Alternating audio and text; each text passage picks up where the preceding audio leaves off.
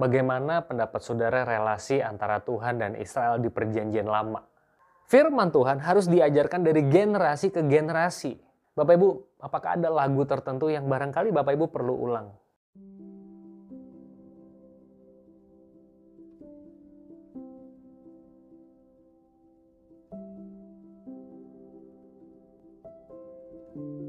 Shalom, Bapak Ibu Saudara, selamat hari Minggu. Kalau saya mengajukan pertanyaan, bagaimana pendapat saudara relasi antara Tuhan dan Israel di Perjanjian Lama? Apa yang saudara ingat? Kalau saya menggumuli pertanyaan tersebut, saya mengingat bahwa Israel itu bangsa yang pelupa. Mudah sekali lupa Sampai kalau kita baca, Tuhan berulang kali mengatakan, Akulah Tuhan Allahmu yang membebaskan engkau dari tanah Mesir. Akulah Tuhan Allahmu yang membebaskan engkau dari perbudakan Mesir. Akulah Tuhan Allahmu yang membebaskan engkau dari perbudakan Mesir. Diulang-ulang, begitu terus-menerus. Saudara, hari ini saya ingin mengajak saudara merenungkan ulangan pasal 31. Coba kita lihat sebentar bagian ini. Apabila seluruh orang Israel datang menghadap hadirat Tuhan Allahmu di tempat yang telah yang akan dipilihnya, maka haruslah engkau membacakan hukum Taurat ini di depan seluruh orang Israel.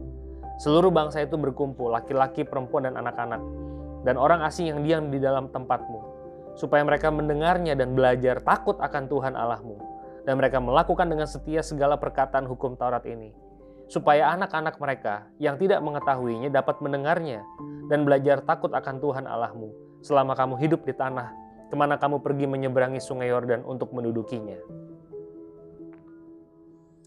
Salah satu cara supaya saudara dan saya nggak gampang lupa adalah membaca Alkitab. Orang Israel punya satu ritus atau ritual di mana mereka berkumpul depan kemah atau tabut perjanjian. Pada waktu hal itu terjadi, ulangan 31 mencatat, firman Tuhan, Alkitab atau Taurat pada zaman itu dibacakan. Sampai ke generasi anak-anak, itu berarti generasi yang ada di bawahnya. Yang nggak punya pengalaman Allah membebaskan Israel dari tanah Mesir.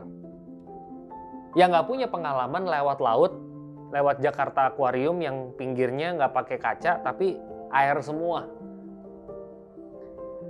Firman Tuhan harus diajarkan dari generasi ke generasi supaya mereka belajar takut akan Tuhan. Jadi artinya Bapak Ibu Saudara, nggak bisa kita takut akan Tuhan tanpa Alkitab, tanpa firman. Nggak bisa. Kita perlu itu. Kita perlu mengingat kebaikan-kebaikan Tuhan. Saya ingin mengulangi khotbah Paskah di Yohanes 20, 30, 31. Semua yang tertulis di kitab Injil itu bertujuan supaya kita percaya Yesus Mesias. Nggak cukup semua ditulis. Tapi yang ada di kitab suci itu memadai untuk kita. Saya mau ulangi lagi biar Bapak Ibu bosen. Bapak Ibu kalau peka dengan hadirat Tuhan, maksud saya peka dengan kesucian, kebaikan Tuhan. Kita mau ngetik berapa gigabyte, taruh di Google Drive, nggak akan pernah cukup. Saudara mau beli hard disk eksternal berapa tera, Kebaikan Tuhan itu banyak. Masalahnya saudara peka nggak?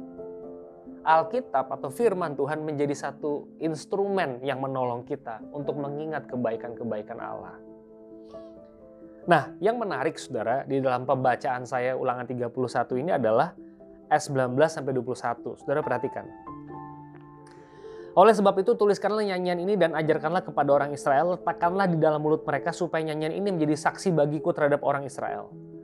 Sebab aku akan membawa mereka ke tanah yang kujanjikan dengan sumpah kepada nenek moyang mereka, yakni tanah yang berlimpah-limpah susu dan madunya. Mereka akan makan dan kenyang menjadi gemuk, tapi mereka akan berpaling kepada Allah lain dan beribadah kepadanya. Aku ini akan dinista mereka dan perjanjianku akan diingkari mereka. Maka apabila banyak kali mereka ditimpa malapetaka serta kesusahan, maka nyanyian ini akan menjadi kesaksian terhadap mereka. Sebab nyanyian ini akan tetap melekat pada bibir keturunan mereka Sebab aku tahu niat yang dikandung mereka pada hari ini sebelum aku membawa mereka ke negeri yang kujanjikan dengan sumpah kepada mereka. Ini adalah intro untuk nyanyian ulangan 32 dalam saat teduh besok. Ternyata nyanyian ini supaya Israel itu kembali mengingat kebaikan Tuhan. Jadi orang jangan auto khawatir. Jadi orang harus percaya ke, percaya kepada Tuhan. Bapak Ibu, apakah ada lagu tertentu yang barangkali Bapak Ibu perlu ulang? Ada nggak? Ada pujian tertentu yang menyentuh. Mungkin ada bagian ayat firman Tuhan tertentu yang menyentuh yang perlu dibaca ulang. Bapak Ibu bisa taruh di dinding, Bapak Ibu bisa taruh di handphone. Itu menjadi pengingat karena kita manusia pelupa. Saudara ulangan 31 namanya aja kita ulangan, diulang-ulang. Supaya saudara dan saya ingat bahwa Tuhan itu Tuhan dan kita belajar takut akan Tuhan. Selamat merenung. Tuhan Yesus memberkati.